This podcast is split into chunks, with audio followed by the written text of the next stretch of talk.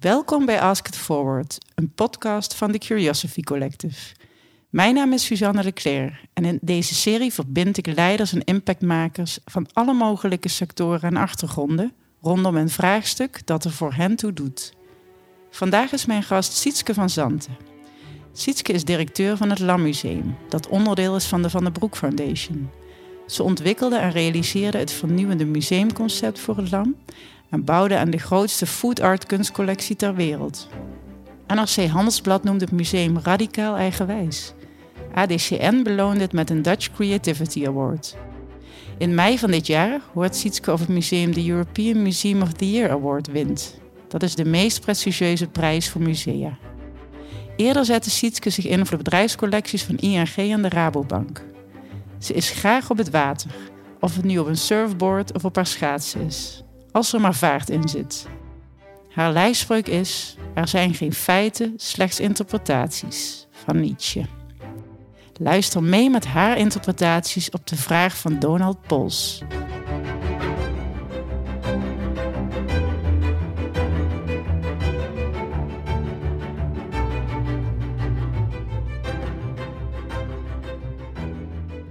Welkom. Ik vind het erg fijn dat jij er bent. Helemaal vanuit Lisse. Ja, dankjewel. Hierheen gekomen. Ja. um, Sietske, ja, uh, ik wil eigenlijk jou eens vragen tegen alle gewoontes in... om kort jezelf even te introduceren. Wie ben je en wat doe je in het dagelijks leven? Ja, dat is altijd de meest moeilijke vraag volgens mij om te krijgen. Wie ben je en wat doe je? Uh, ik ben Sietske van Zanten. Ik ben directeur bij het Landmuseum in Lisse. Een particulier gefinancierd museum. Uh, dat zich richt op uh, het kijken en het uh, als een soort instapmuseum voor mensen die niet echt museumbezoekers zijn of niet vanuit nature al musea bezoeken, om die te verleiden dat de kunst leuk is voor iedereen. Uh, dat is mijn hoofddoel binnen het museum. De collectie heeft allemaal met food te maken. We noemen onszelf ook een beetje het Food Art Museum. Volgens mij is dat er ook niet op de wereld een museum met hedendaagse kunst rondom food, waar het niet om het eten alleen gaat, maar wel echt om de kunst. Eh, verder ben ik moeder van twee prachtige zoons en uh, heb ik uh, heel veel hobby's. En een van de dingen die ik het allerleukste vind is nieuwe dingen leren. dus dat is wat ik verder ben, eigenlijk in een hele korte notendop. Dat maakt me mateloos nieuwsgierig naar je, Sietske. We gaan je dit uur beter leren kennen aan de hand van een vraag die jij krijgt aangereikt van Donald Bols. Donald is directeur Milieudefensie en was vorige keer mijn gast in Ask It Forward. Laten we samen naar zijn vraag luisteren. Wij, wij leven in een tijd waarin mensen toenemend of vooral bezig zijn met, met een eigen, uh, zeg maar, eigen leven. Uh, en soms een, een iets uitgebreider, je gezin, je vriendenkring, uh, je materiële belang. Maar heel erg in het, in het nu. En mijn vraag is: hoe geef Sietske, hoe geef jij onze aarde door aan de volgende generatie? In je, in je persoonlijke leven, maar ook in je, uh, in je leven als directeur. Um, hoe verbind je het, het nu met de verantwoordelijkheid die wij hebben voor de volgende generatie, voor mij en jou en ons kinderen? Deze vraag van Donald over onze aarde is helemaal aan jou gericht. Een hele persoonlijke zou je kunnen zeggen. Zeker, ja. Maar laten we eens. Uh, ja, als ik klein begin, als het, mhm. het eerste wat bij mij resoneert, is wat me, mij is aangeleerd door mijn, uh, mijn moeder of uh, om mijn, mijn omgeving, is de wereld altijd net een beetje mooier achter te laten dan dat je hem hebt gevonden. En dat kan al in hele kleine dingen zitten. Dus uh, op een openbare wc net even dat ene wc-papiertje ook weggooien wat op de grond lag. Of de kraan even afvegen. Um, en dat is ook iets wat ik mijn kinderen heel erg meegeef. Overal waar je komt, open je ogen en laat het net ietsje beter achter dan dat je het gevonden hebt. Of je dat nou op het strand doet of buiten doet, als je iets ziet liggen, pak het gewoon op en neem het mee. Want het kan helemaal geen kwaad. Het is zo'n kleine moeite om het ietsje mooier achter te laten dan hoe jij het vindt. En als we dat allemaal doen, dan wordt de wereld er een beetje mooier op. Dus dat, dat zou al mijn eerste gedachte en gevoel zijn bij de vraag die Donald stelde. Ja, Hoe laat ik de wereld achter? Ik hoop iedere dag een beetje mooier dan dat ik hem gevonden heb. Ah, wat, wat prachtig en wat dichtbij ook meteen. Ehm, en vertel eens, hè, dus je noemt een paar voorbeelden hoe je dat in hele praktische zin doet. Hè?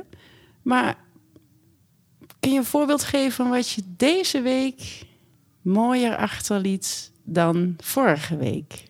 Of deze week of recentelijk, om toch even te kijken hoe, hoe dat werkt met dat kijken om je heen en wat dat dan is. Dat mag een heel klein mini, mini, mini detail zijn.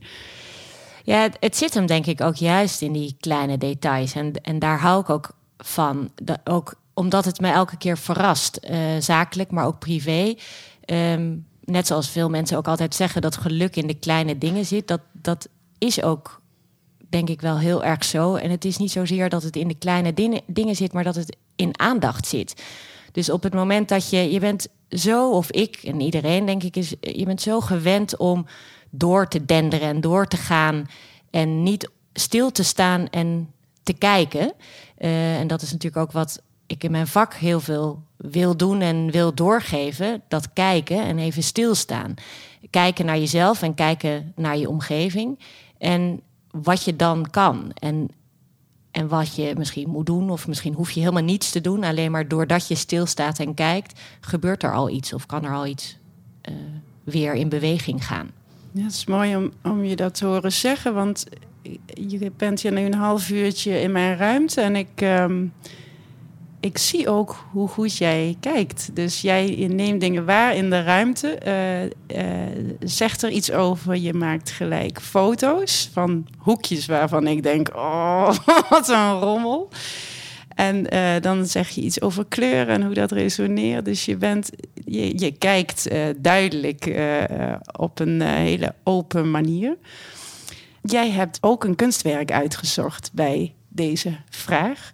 Zeker, ja. Ehm, en daar ben ik natuurlijk heel benieuwd naar als Ja. directeur van een van de mooiste musea van Nederland. Wat heb jij uitgekozen? Ehm, ik heb een werk uitgekozen waar eigenlijk voor mij heel veel dingen bij spelen. Eh, het is een eh, werk wat eh, geen visueel beeldend kunstwerk is. En toch ook weer wel, omdat het meteen allerlei eh, verbeelding aanspreekt bij iedereen een andere. En eh, daardoor misschien wel het mooiste kunstwerk is wat er is, omdat je het multi-interpretabel is en niet al je meteen stuurt door de visuele kant, want die is er niet. Want het is een geluidskunstwerk.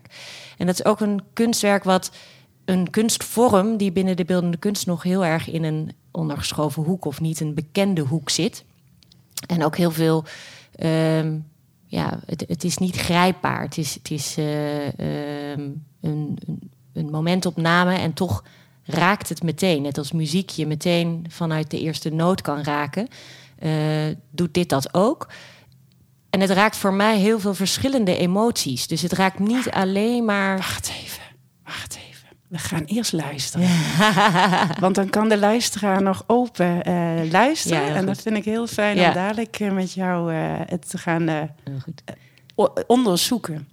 Dus we gaan eens even luisteren. Of all the stars I've ever seen, you are the sun. Hang on, hang on. Hang on, hang on. I've not forgotten all the tricks that you've done. I just need some fun. Een mooi fragment. Vertel eens, Susan Phillips. Ja, wat is trouwens nu net, wat mij nu heel erg opvalt. Hij doet nu weer zoiets anders met mij dan toen ik hem, ook met de gedachte dat ik hem koos, omdat ik het werk ken. En nu hoor ik hem vandaag in deze context waar we zitten.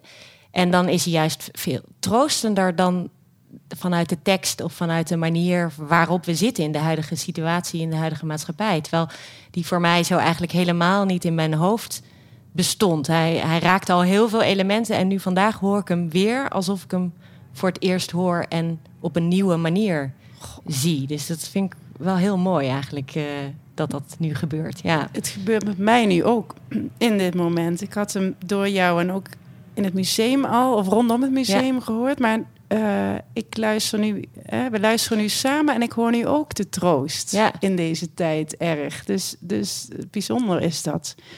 Nou ja, laten we daar zo eens op, ingaan. Hoe dat, hoe dat nou eigenlijk kan. Dat die kunst steeds iets anders in jezelf op kan roepen.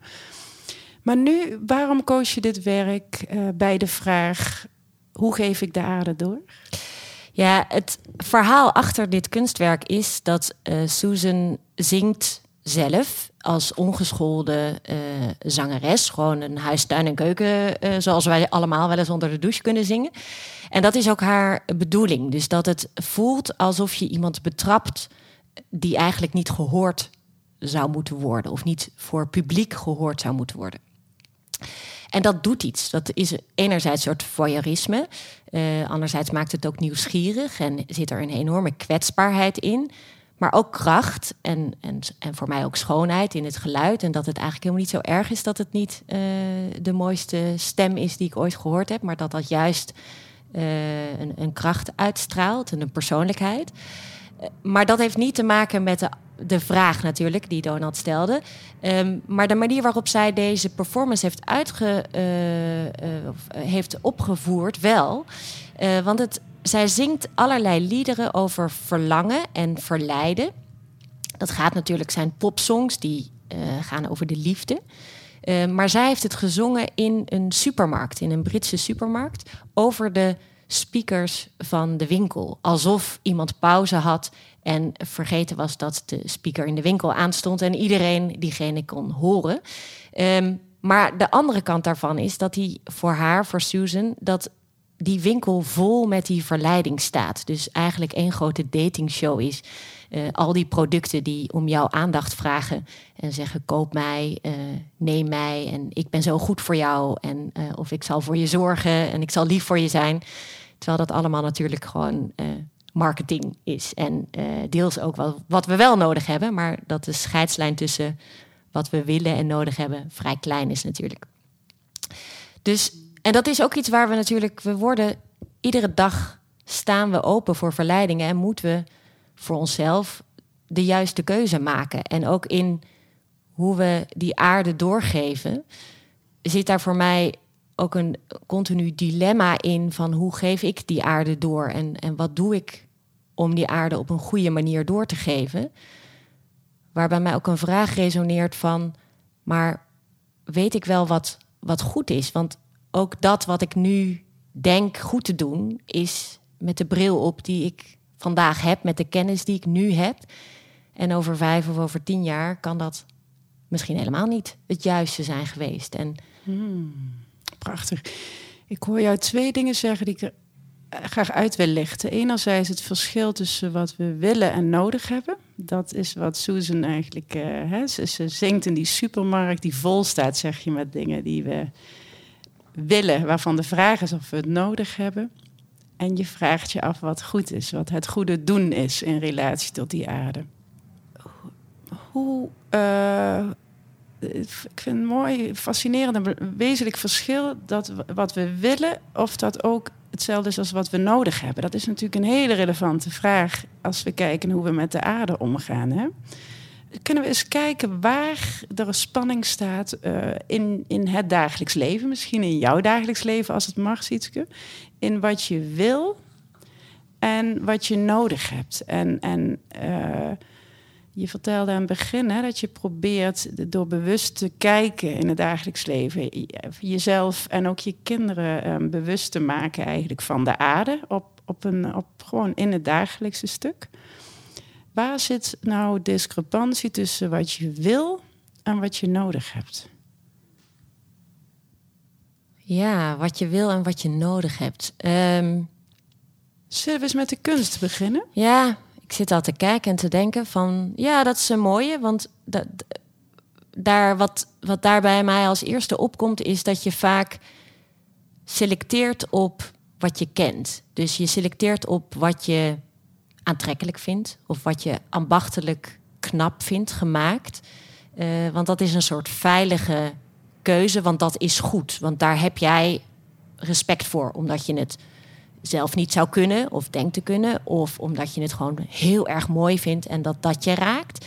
Dus je trekt in eerste instantie vaak naar kunstwerken toe ehm, die veilig zijn of die al een soort veilig gevoel van dit is goed. Want het is, ik vind het in ieder geval mooi of uh, ik vind het knap gemaakt. Maar dat zijn niet altijd de kunstwerken die ook op langere termijn het meeste beweeg, teweeg brengen. Of bij jou uh, misschien wel raken of, of spannend zijn. Um, net zoals dat in muziek kan zijn. Een liedje wat meteen lekker in het gehoor klinkt, kan na vijf keer op de radio dat je denkt, nou, ik zet de radio uit, want ik word helemaal tureluurs van. Terwijl een soms een wat moeilijker stuk echt ja, je kan groeien en, waar je gewoon verliefd op kan worden en, en na duizend keer nog niet genoeg gehoord kan hebben. En zo kan dat met kunst ook zijn. En ik denk dat daar dat willen en nodig hebben um, ook een beetje in terugkomt. Want ik denk dat wat je nodig hebt ook niet altijd het, de makkelijkste weg is. Of, of um, dat wat het eenvoudigst gaat. En daar moet je vaak wat meer moeite voor doen. Ja. En wat je wil is vaak die, dat comfort, dat prettige, dat gewoon nou even niet, gewoon even, ik wil gewoon even ontspannen en short-term kick. Ja, de short-term kick, ja, waar we natuurlijk allemaal verslaafd aan zijn. En nou ja, dat, dat vind ik dus even mooi om bij stil te staan. Want, staan, want je hebt het net over die producten in de supermarkt... Um, waar Susan haar uh, stem laat horen. Um, en ja, die vol staat met verleidelijke producten op ooghoogte. Dat is natuurlijk onze hele consumenten. Uh, ja, het hele consumentisme is daarop ingericht. Um, terwijl als je kijkt naar wat de goede producten zijn, zullen we zeggen, voor de aarde, hè, de producten die goed gemaakt zijn, biologisch zijn, die in mijn simpele denken denk ik wel eens, waarom staan die nou niet heel verleidelijk te zijn op die uh, meest in het oog springende rij in de supermarkt. Hè? Dat is toch uiteindelijk waar we naartoe willen. Dat het goede product uh, het meest verleidelijke product wordt. Ja. En nu is dat vaak nog andersom. En ook het kunstwerk van Susan vind ik interessant. Want je, wat je net over de kunst zegt, over dat wat je graag, wat het misschien het makkelijkst in het oog springt en waar je al gewend bent van te gaan houden, is vaak niet wat je nodig hebt om echt je perspectief te verruimen, bijvoorbeeld.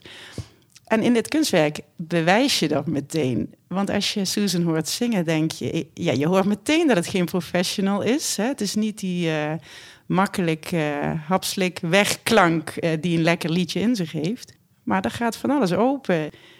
En van wat doet ze nu? Waarom doet ze dat? Maar als we kijken weer even naar die vraag, hè? En, en, en hoe geef jij de aarde door? Zit, uh, kun je eens reflecteren op het belang van kiezen voor wat we nodig hebben versus het belang van wat we willen? Zit een beetje te zoeken hoor. Ik heb hem ook nog niet schik. Ik maak het je niet makkelijk, realiseer ik me. Nou, ik denk dat dat ook al een heel erg afhankelijk is van je positie. Dus dat het ook een, een luxe vraag is. Uh, waar wij ons mee bezig kunnen houden. Waar ook heel veel mensen zich helemaal niet mee bezig kunnen houden, omdat het gewoon overleven is. Uh, dus dat, het, dat, dat, dat wij de keuze hebben om onszelf verder te prikkelen en uit te dagen. En bewust te zijn van wat je nodig hebt op een hoger niveau, wat ons verder brengt. En daar ook bewust bent van de verleidingen van het willen van dingen en het gemak en de luxe. Um, dat, dat, sowieso al een vraag is die misschien heel veel mensen op deze aarde zich helemaal niet eens kunnen afvragen. Omdat het gewoon, we moeten morgen weer, we moeten deze dag voorbij komen om, om weer een morgen te hebben. Mm um, dus dat is, maakt het ook wel weer complex. Als je het hebt over voedsel, hè, jullie, eh, het lam heeft food, eh, art centraal staan. Als ik denk aan eh, inderdaad, hè, als we even afgaan van de luxe vraag zou je kunnen stellen waar ik me naar ken, dan zie je eigenlijk dat mensen, ja, heel veel mensen komen helemaal niet aan die vraag toe, want die zijn bezig met wat ze nodig hebben. En kijk het dan naar die supermarkten en hoe voedsel gepresenteerd wordt. Hè, eh, wil ik toch graag eens even naar mijn eigen verwondering van hoe, eh, wanneer gaat het zo zijn dat het goede voedsel, het verse voedsel, het biologische voedsel, wat goed is ook voor de aarde of vanuit de goede aarde komt, ehm, dat dat hetgene is dat mensen het makkelijkst ook kunnen krijgen. Zeker, ja, we, we hebben in het uh, uh, museum een werk ehm, waarbij ook die vraag gesteld wordt, of waarbij uh, het is een werk waar, waar een kunstenaar heeft een, een dagboek bijgehouden van zijn eten, uh, een jaar lang. En uh, alle producten die hij gegeten heeft en vanuit de supermarkt gekocht heeft, heeft hij in porselein gemaakt. Dus je ziet een jaar consumptie van één persoon. En daarbinnen heeft hij het slechte eten, het fastfood, in goud gemaakt. Vanuit de gedachte dat ehm, op dat eten in Amerika um, is het goedkoopste eten. Het eten wat het meest bereikbaar is voor iedereen qua prijs. Uh, het eten waar ook tevens het meest geld op verdiend wordt aan de andere kant. Um, dus dat is het. De hamburgers zijn het goud. Ja. Wat natuurlijk, dat zou eigenlijk de gouden appel moeten zijn, of de gouden selderij, of juist het gezonde eten, of wat wij als gezond beschouwen. Mm -hmm. Maar dat is niet zo. Nee. Uh, helaas, omdat er gewoon toch nog steeds te veel geld te verdienen is aan goedkoop, goedkoop voedsel, voedsel, wat ja. ook uh, waar veel uh, hulp bij nodig ja. is, uh, wat ja. niet goed voor de aarde is, zullen maar zeggen. Dus, dus ik voel een, zelf een diep verlangen om daar een omkering in te maken. En ik ken het kunstwerk, want ik, ik mijn kinderen hebben zich daar ook... We hebben het helemaal bekeken. Een fantastisch mooi werk. Van wie is het? Itamar Gilboa. Oké. Okay. Ja. Um, en dat is, legt precies wat mij betreft de vinger op uh, de plek van, hoe, uh, van een andere vraag die jij jezelf stelt. Hoe kunnen we het goede doen? Als ik geniet met mijn kinderen van zo'n kunstwerk... dan realiseer ik me heel goed dat dat kunstwerk iets blootlegt... Um, wat er in heel de wereld nu aan de hand is. En vervolgens stel ik mijzelf de vraag: wat kan ik nou morgen doen om dit patroon, om eigenlijk die appel goud te maken in mijn dagelijks leven? Dus dat doet iets met mij. Um, vertel me even, waar zit jouw dilemma? Gaat het goed doen voor de aarde? Is waar je je mee bezighoudt? Of waar, waar, waar zit je zoeken? Nou, wat, je, wat jij zegt is ook wel wat ik heel graag wil bereiken in het museum. Hè? Van dat je, doordat je kijkt naar een verbeelding van een ander, zelf op een andere manier naar de wereld gaat kijken. Dus dat jouw blik verbreedt of opent en dat er dus een, een beweging ontstaat bij jou door dat wat je hebt gezien. Um, dat vind ik ook het allerbelangrijkste binnen mijn taak als, als museumdirecteur Um, dat we dat weten over te brengen. Dat we laten zien dat die kunst voor iedereen. Je hoeft, die kunstgeschiedenis is ontzettend interessant. En als je daar iets over wil weten of wil leren, stort je daarin. En er zijn fantastische plekken waar je daar helemaal aan kan laven. Maar die kunst kan ook al in dat hele kleine, in dat dagelijkse, jou veranderen en jouw blik veranderen. En daar hoef je geen kennis van de geschiedenis voor te hebben om dat te bereiken. En dat, dat vind ik, dat is mijn, mijn drijfveer binnen uh, de baan die ik doe.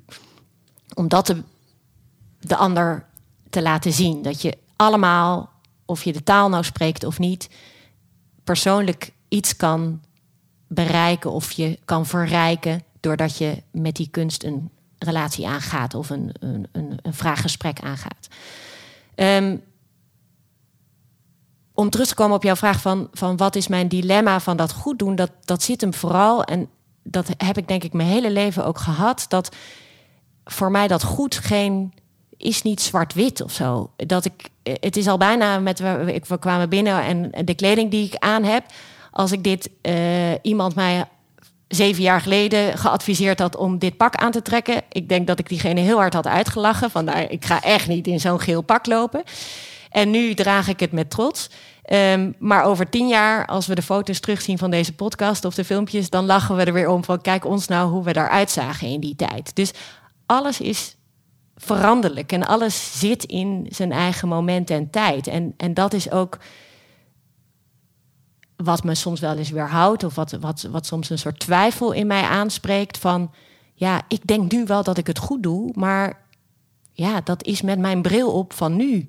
En, en wat over tien jaar of over dertig jaar heb ik misschien wel het hele verkeerde pad gekozen. En dat, dat is iets wat, ik kan me dat ook echt als kind herinneren, dat ik die vraag, dat dat altijd ergens bij mij speelde. En Ehm, het klinkt nu heel zwaar, want het is natuurlijk niet iets wat je, waar ik de hele dag mee bezig ben. Maar het is wel iets wat me soms wel belemmert ook, omdat je dan niet vol gas geeft, omdat je altijd dat gevoel van die twijfel hebt: van is dit wel de juiste weg of de juiste keuze?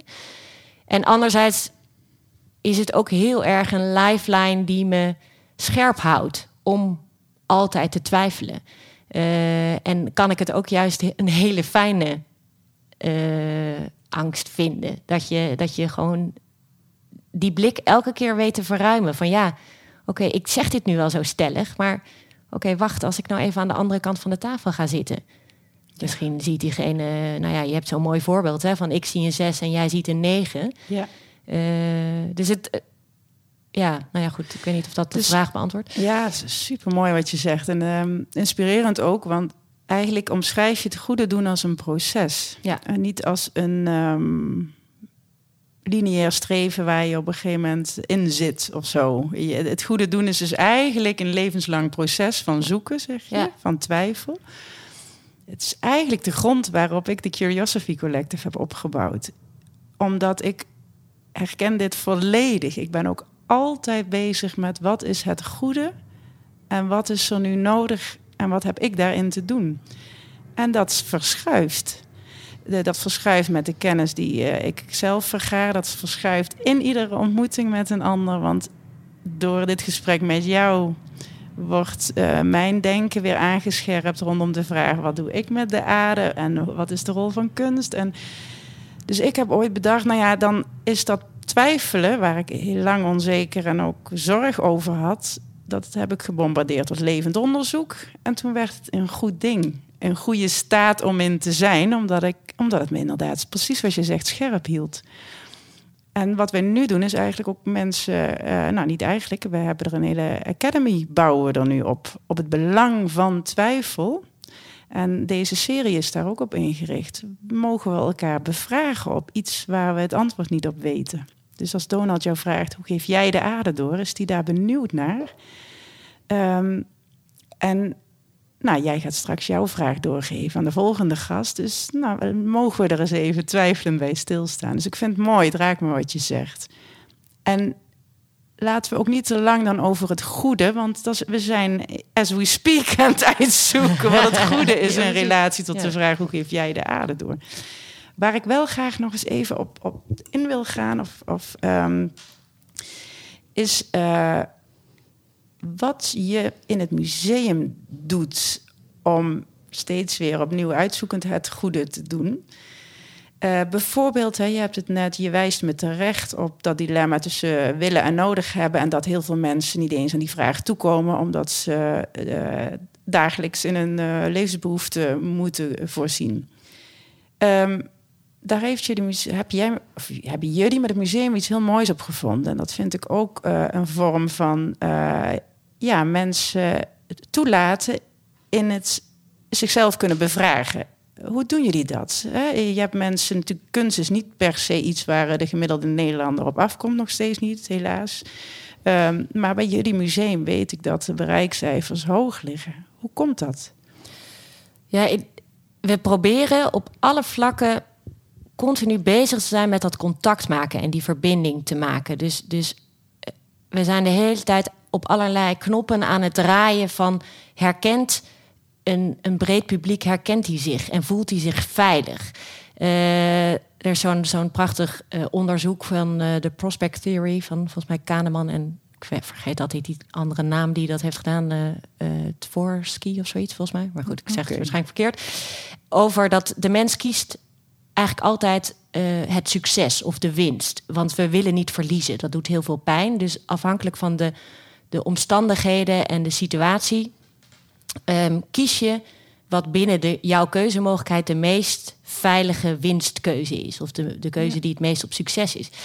En de kunst is zo'n onzeker terrein voor heel veel. Eh, dus je kiest eerder voor het zwembad, of het park, of het strand, eh, dan het museum. Want wat kun je daar verwachten? Je hebt geen idee. Je weet niet hoe lang je binnen bent. Eh, je weet niet wat je kan krijgen. Je- Er zijn alleen maar onzekerheden. En met het team van het museum zijn we eigenlijk de hele tijd aan het proberen van hoe, wat zijn die onzekerheden? Kunnen we die benoemen en kunnen we die tackelen? Kunnen we zorgen dat die onzekerheid bij de bezoeker weggehaald wordt? Ehm, alleen al door eerst meteen contact te maken, door een praatje te maken als je binnenkomt en beetje te voelen wat de behoefte is van die bezoeker.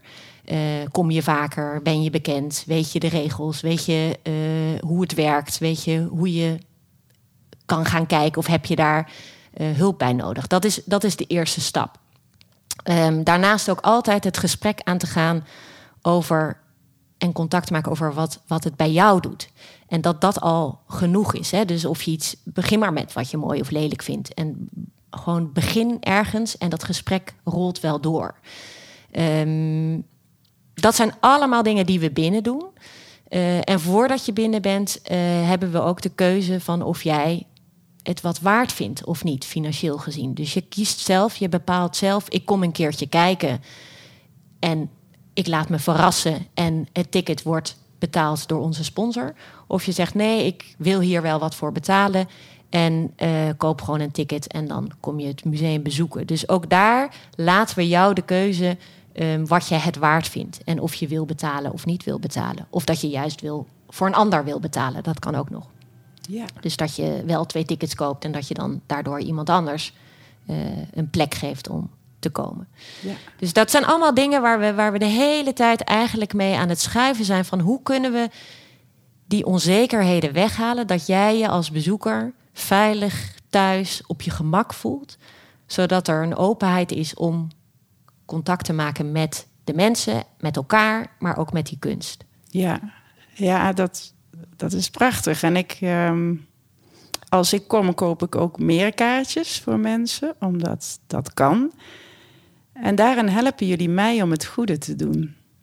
En doordat je eigenlijk zo'n vorm aanreikt aan bezoekers, um, voel ik mij heel goed. Want in, ineens uh, krijg ik gewoon ja, iets aangereikt waarmee ik het goede kan doen. En dat is dus heel prettig. Wat ik tegelijk interessant vind, is dat je dus alle onzekerheid wegneemt. Je helpt mensen om eigenlijk binnen te komen. En vervolgens in een wereld. Kijk naar het kunstwerk wat je net omschrijft over voedsel, over de aarde. Waarin mensen zichzelf weer vragen gaan stellen. Want dat gebeurt er ook in jullie huis, in de kunst ja. die je ervaart. Ja. Al als je Susan hoort zingen, ja. als je aankomt lopen, gebeurt het al. Wat gebeurt er hier? Dus het is een.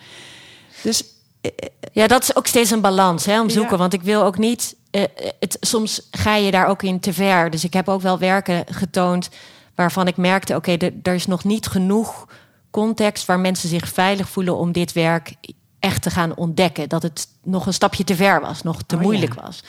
En wat zie je dan gebeuren? Wat, wat, wat... Ja, ik zie dat dan zowel het team en de bezoeker zich geen raad weet met uh, de, de, de installatie, de presentatie, of uh, waardoor het uh, weggaat. Dus je loopt er langs en Ja. er gebeurt niks.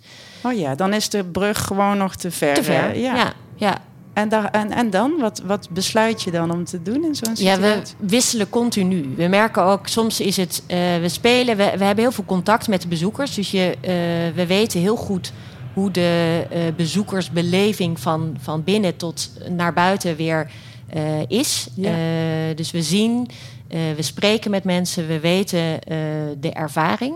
Ehm, en daarbinnen spelen we met de positie van de kunstwerken. Dus ik heb wel eens gewoon iets van, van links naar rechts verplaatst in uh, een uh, tentoonstellingsruimte. En toen zagen we dat het werk opeens wel bekeken werd. En het grappige is dat de plek waar het eerst hing, hangt iets anders. En dat wordt nu ook gewoon bekeken. Dus het heeft niet met de plek te maken, maar het heeft altijd met de context te maken. Dus toch de samenhang van de dingen waardoor je het opvalt, waardoor je het ziet. Ehm, en niet, eh, je hebt koude plekken in het museum. Natuurlijk heb je altijd posities in een gebouw waar je als mens niet zo snel naartoe beweegt, waardoor het moeilijker is om daar iets. Uh, daar moet je in tegenhanger, dus dan moet je iets zorgen wat meer prikkelt, wat beweegt of wat licht is. Of, of nou ja, daar moet je mee spelen om je te verleiden. Eigenlijk een beetje hetzelfde als in de marketing natuurlijk, of in de supermarkt gebeurt. Ja. Um, maar er zijn ook andere plekken en het heeft altijd met, ja, met context, met, met waar, wat hangt er nog meer, uh, hoe beweeg je je, wat gebeurt er, uh, waardoor het je aandacht krijgt en waardoor je wel een opening ziet tot gesprek. En Ja, prachtig. En ik, nou ga ik even terug naar wat Donald zei in mijn ontmoeting met hem over die aarde en over wat daar gebeurt. Want ehm, jij hebt het over het belang van plek en, en hoe je eigenlijk mensen verleidt tot kijken. Ehm, en hij had het over de keuze van ja, ehm, voor verandering, zei hij, is uh, moeten we een, het systeem een shock geven. Dat is wat hij in feite doet met zijn rechtszaak hè, tegen Shell nu, van, van, of zijn van Milieudefensie. Het is niet helemaal uh, de man persoonlijk, die, maar. Um, en ik had het met hem over om transitie te realiseren. Dat was de vraag die hij onderzocht. Dan heb je toch ook intrinsieke motivatie nodig. Is er dan dialoog nodig tussen de mensen die, um, waarvan je wil dat ze iets veranderen? Ja. Nou, dat ontstond een heel boeiend gesprek over. Dat, uh, um, dat hebben de luisteraars kunnen horen. Um, wat kies jij in het museum? Kies je, kies je voor een kan een shock werken of ben je toch altijd weer bezig met die verbinding maken? Nee, ik denk dat een shock zeker kan werken en, en ook ergens nodig is om je uit um, je automatisme te halen of uit je automatische piloot te halen. En um, de mate van shock is natuurlijk daar, daar kan je mee spelen en daar kan je mee nuanceren. En dat zal ook per persoon verschillend zijn. Um, we hebben wel eens in het begin gesproken, het is, het is en het, ik zeg niet dat het nooit komt, um, maar voor nu is het nog een beetje, we hebben er nog niet een oplossing voor, maar we hebben het wel eens gehad als je, alsof je op het moment dat je binnenkomt in het museum, dat je door een soort tunnel gaat waar je helemaal door elkaar geschud wordt. En um, om die shock te, te beweegstellen. Uh, dus dat je, je komt namelijk toch al je komt uit je auto, je hebt een stukje gelopen, je, je, je, hebt allerlei, je zit in een soort ritme. En daar moet je uit om te gaan kijken. Dus ja. er, en bij ons gebeurt dat al doordat we uh, heel veel andere methodes hebben dan dat je normaal in een museum gewend bent. Dus uh, vanwege het feit dat je wordt aangesproken, dat er al een persoonlijk contact is, dat maakt het al iets anders. Dat er geen tekstbordjes zijn waar de naam van de kunstenaar op staat. Uh, dat de inrichting al anders is dan bij de meeste musea maakt al dat het een ander gevoel geeft. En dat maakt ook dat we heel vaak van bezoekers hebben die regelmatig musea bezoeken, dat die in het begin zich heel erg ongemakkelijk voelen. Oh ja. Dat die in de eerste zaal echt soms bijna boos zijn.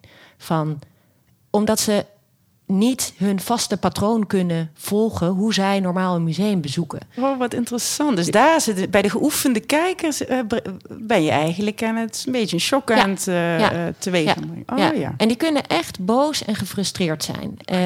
en bij de 90% appt dat weg. Zien we dat bij zaal 2 of zaal 3 ze het los kunnen laten en onze methode omarmen en ook echt verrast zijn. Zeggen, nou, ik heb nog nooit zo gekeken naar de kunst. Terwijl ik echt ik ben over de hele wereld naar alle musea geweest. En het voelt net alsof mijn ogen weer geopend zijn op een nieuwe manier. En natuurlijk zijn er ook mensen die dat niet los kunnen laten en uh, naar buiten gaan en zeggen van nou dit was niks voor mij. Beide prima natuurlijk. Ja. Maar het, je merkt echt dat geoefende of mensen die dat veel doen, die merken die missen de leuning van de trap. Het is echt een beetje van oh, onwennig, onveilig.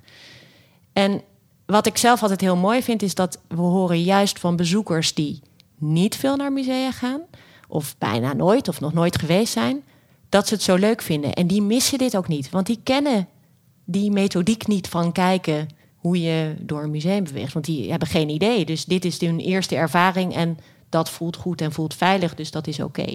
Ja, en ik ben een, uh, ik weet niet, ik ben een veelkijker, laat ik het zo zeggen. Ik, uh, ik heb een achtergrond in de kunst en cultuur, maar als ik met mijn, uh, dus ik ben gewend veel te kijken, maar mijn oefening is altijd een open blik houden. Dus ik word ontzettend blij als geoefende kijker in jouw museum, omdat ik opnieuw word gechallenged en aan de hand wordt genomen zonder, um, zonder dat iemand mij stuurt in mijn kijken. Dus dat vind ik een hele plezierige, uh, rustige, warme binnenkomen. Maar het doet ook iets met de, uh, mijn gezin of de groepen mensen waarmee je komt. En wat er gebeurt is dat wij ook onderling in gesprek komen met elkaar. En dwars door dit gesprek heen hoor ik het steeds gaan over perspectief, over kijken. Ik weet nog, en ik toch altijd wel even klein, dat ik echt heel blij was dat jullie de kijktelefoon zijn begonnen in coronatijd. En dat ik met mijn dochter belde. En een soort verademing voelde dat ik met haar aan de telefoon zat. En met een medewerker van jullie museum die ons liet kijken naar een kunstwerk. Wat we dus niet konden zien, maar helemaal konden visualiseren. En dan ontstond zo'n mooi gesprek. Dat is allemaal wat jij teweeg brengt met jouw team. Dus ja, of dat anders naar de aarde kijken is misschien wel. Maar we kijken in ieder geval, als je het hebt over je mooie kunstwerk met gouden hamburger, dan gaat het over de aarde en het voedselsysteem. Dus toch even iets naar de kern van hoe geef jij de aarde door? En wat is daar nou de essentie van? Ja, ik denk dat je het al heel mooi hebt gezegd. En dank voor alle mooie complimenten die je sowieso geeft over het museum. Want ik hoor in jouw verhaal terug precies wat ik wil bereiken in dat museum. Dat er verbinding ontstaat tussen een gezin wat komt, maar ook met andere bezoekers. En dat dat al die andere blikken op het moment dat je gaat praten en je gewoon opent en niet bang bent voor jouw mening of jouw idee dat dat niet het goede is, maar dat dat gewoon jouw beeld en idee is, dat je de ander ook weer aan kan zetten tot een andere blik. Um, dat die openheid dat je daarmee de wereld een beetje mooier kan maken. Door respect te hebben voor de ander en dat hoe de ander kijkt naar die wereld jouw blik kan verruimen.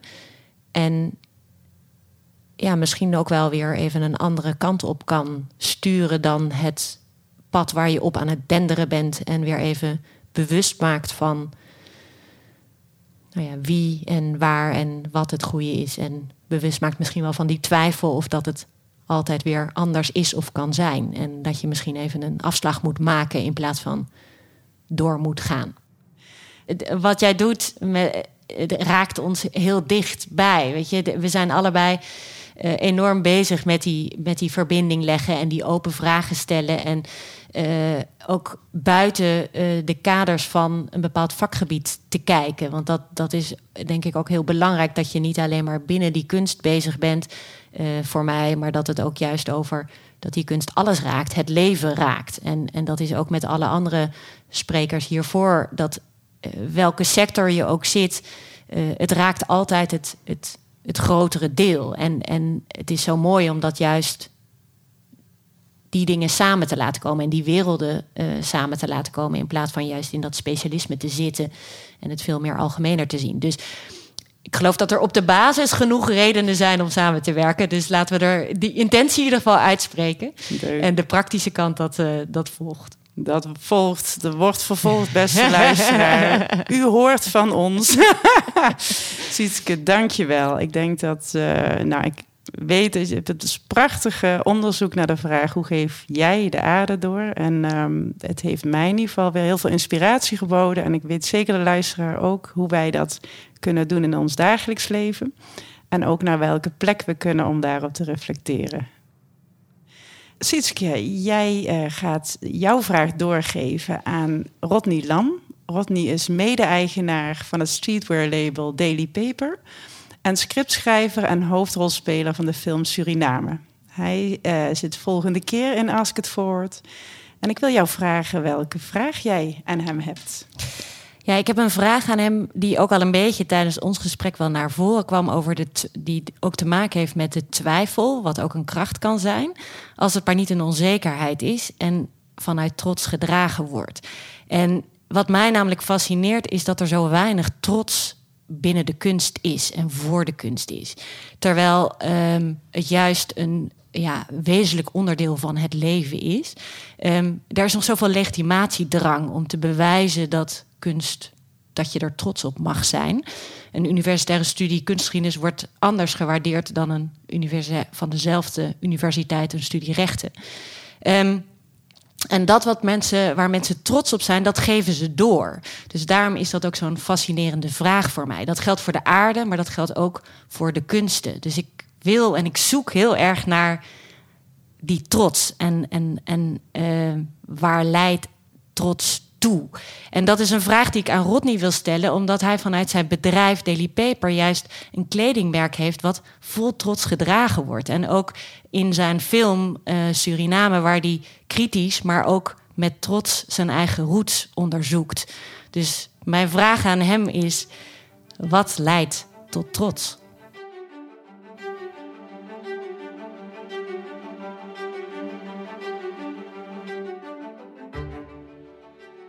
Dit was Ask It Forward aflevering 11. Heb je genoten en ben je nieuwsgierig naar een volgende aflevering? Volg ons dan op je favoriete podcastkanaal en deel deze afleveringen met je familie, vrienden en iedereen die het horen wil.